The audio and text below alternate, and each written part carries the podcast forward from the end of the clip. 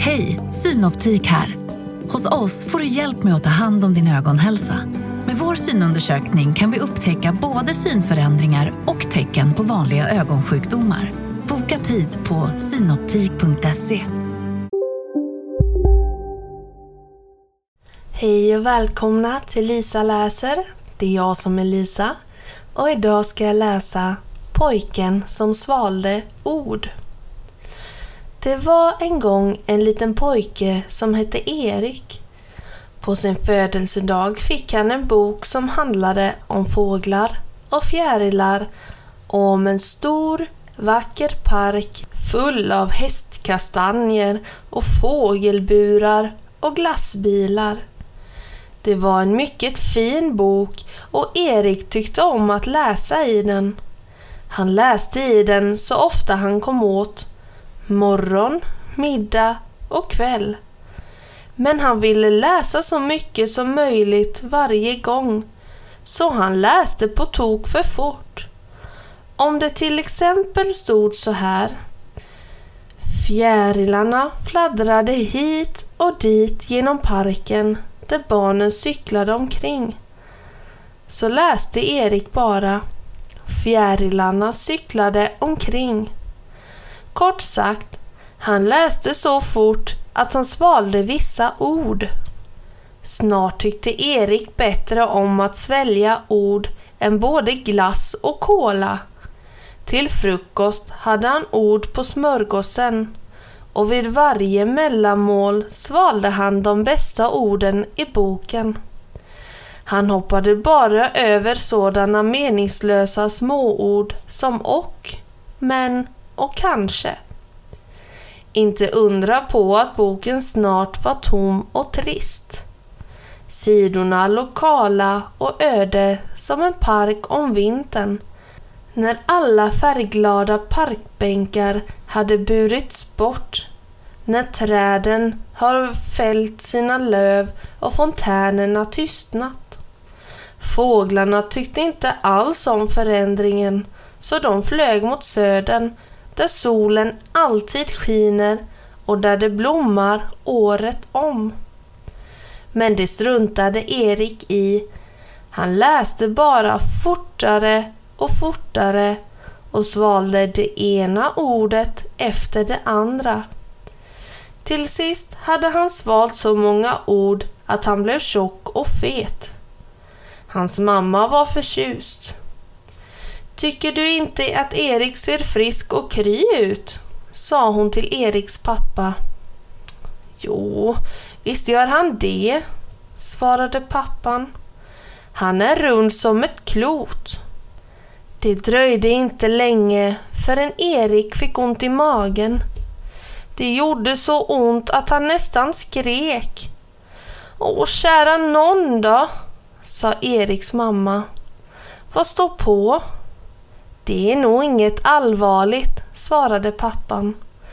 Jag är säker på att det går över om man lägger sig och vilar. Jag ska läsa högt för honom.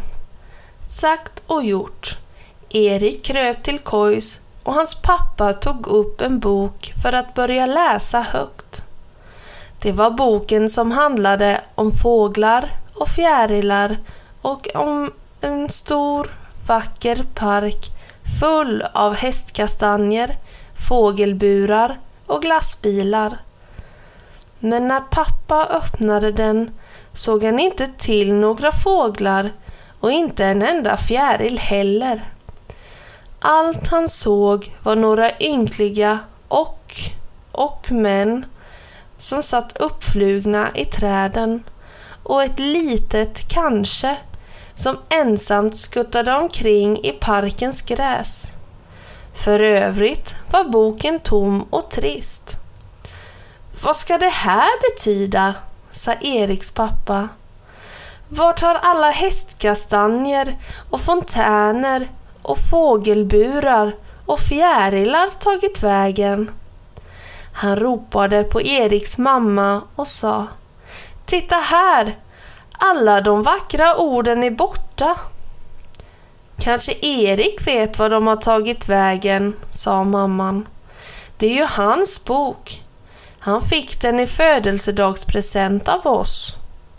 Erik blev tvungen att berätta vad som hade hänt. Han erkände skamset att det var han som ätit upp alla vackra orden. Nämen, varför gjorde du det? Frågade hans pappa. Ja, varför?